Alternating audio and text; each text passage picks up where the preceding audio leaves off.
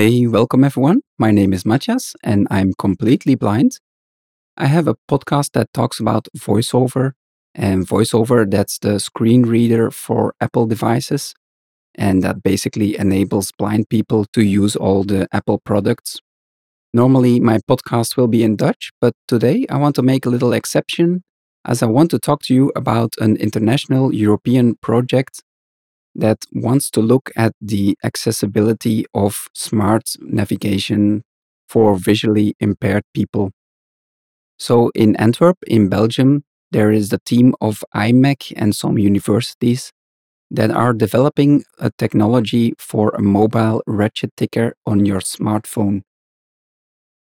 What is the purpose of this technology? Well, the purpose is that this technology becomes freely available for other apps to implement. So it's not so much the purpose to build a new app to add on all your other apps already, but for example, to implement it in Google Maps or Lazarillo or any other navigation or orientation apps.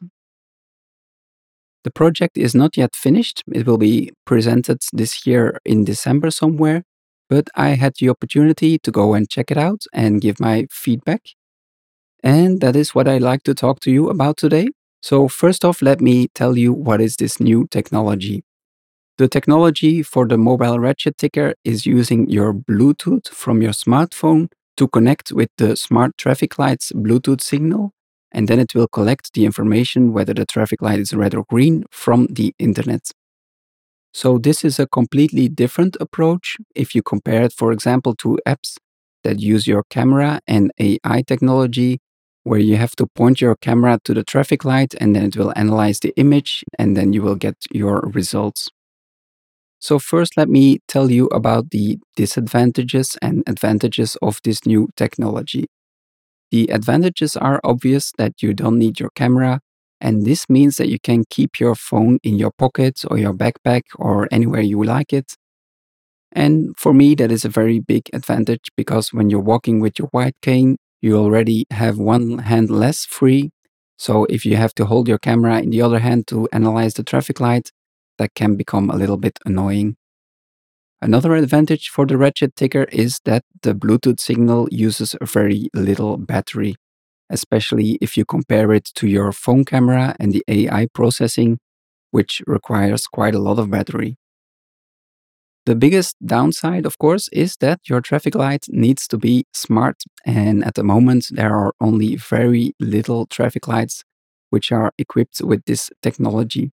So it's not something that you can use today. If you want to use something today, you'll have to find some apps in the App Store that use the camera and AI technology and those are already available and you can use them anywhere. So you don't require the traffic lights to be upgraded. For my experience, I will tell you that I was very pleased with it. Already from quite some distance, you can feel the vibration on your phone telling you whether the traffic light is red or green. And you have no lag between the traffic light changing colors and you feeling it on your phone. So that was very pleasant. The only minor downside that I found was that the information of the traffic light keeps on repeating even if you pass the traffic light until you reach the next traffic light. So even when you walk away from the traffic light, you already crossed the street. It keeps on repeating and repeating, and that can be a little bit annoying. Plus, it's also needlessly draining your battery. But I'm sure they can fix this in software a little bit later on. So, all in all, I was very pleased with the technology. I'm sure it will be of great help for blind people. But of course, we need the traffic lights to be upgraded, and the governments need to allow access to this information.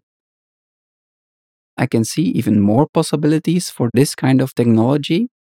I'm just thinking like you could put a beacon on a bus stop, and when you reach it, it could tell you the upcoming buses, or you put the beacon on the bus itself and then when the bus arrives, you can get a signal on your phone telling you which bus it is.